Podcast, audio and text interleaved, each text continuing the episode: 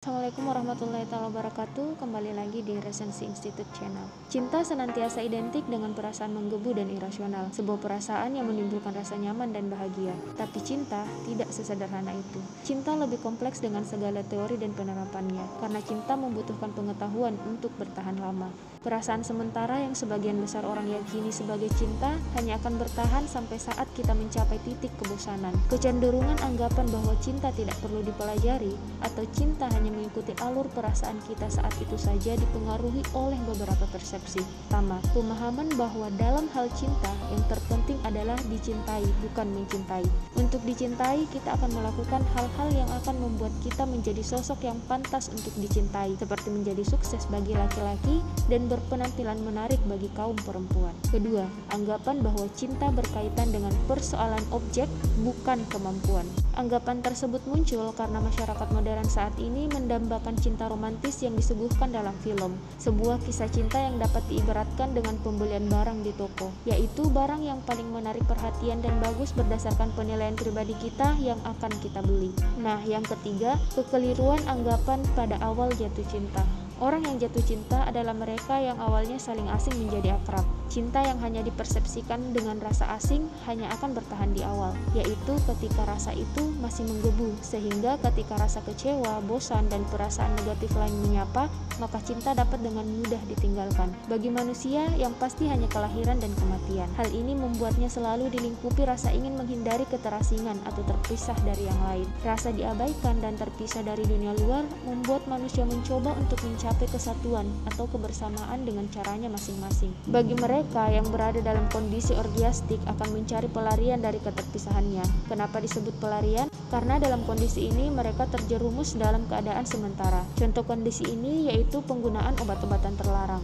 Kesatuan membuat kita ingin mencapai kesetaraan. Namun, kesetaraan di zaman sekarang lebih kepada kesamaan dalam berbagai bidang, mulai dari profesi, hobi, dan perasaan. Sehingga kesetaraan bukan merujuk pada kesatuan, melainkan lebih kepada kesamaan. Penyelarasan merupakan suatu tindakan untuk menghindari kegelisahan yang terasingkan, sehingga individu akan mencoba untuk menyamakan dirinya dengan lingkungan sekitarnya agar tercapai kesamaan. Segala pencapaian kesatuan tersebut hanya bersifat sementara, karena penyatuan dengan orang lain dapat dicapai dengan cinta. Cinta bukanlah hal pasif, melainkan aktivitas aktif, di mana yang paling umum dilakukan yaitu memberi. Memberi bukan berarti memberikan segalanya untuk kehilangan. Kita memberi segala bentuk kasih sayang atau reaksi aktif dari cinta, sebagaimana cinta yang memiliki elemen dasar yaitu perhatian, tanggung jawab, rasa hormat, dan pengetahuan. Dari elemen dasar tersebut dapat memberikan gambaran bahwa cinta bukan hanya sekedar dorongan semata, melainkan sama dengan seni yang lain yang membutuhkan pengetahuan untuk dimengerti. Karena tanpa elemen tersebut, kita sebagai individu tidak akan dapat merasakan cinta yang sesungguhnya, yaitu cinta dewasa yang dicintai karena mencintai dengan penghargaan, pengertian, dan pengetahuan tentangnya. Saat ini, cinta sangat identik dengan hubungan lawan jenis, namun cinta tidak hanya sebatas itu. Cinta merupakan karakter atau tindakan yang membawa kita bergaul dengan lingkungan secara keseluruhan. Cinta memiliki perbedaan sesuai objek yang dicintai. Jika kita mencintai dengan rasa saling keterkaitan sebagai umat manusia yang tinggal di dunia ini, maka kita telah merasakan cinta persaudaraan. Sebuah cinta yang tidak memerlukan syarat untuk mencintai adalah cinta ibu. Kenapa? Ibu akan mencintai anaknya karena dialah yang melahirkannya. Tanpa adanya syarat yang harus dipenuhi sang anak, ibu akan tetap mencintainya. Kenapa?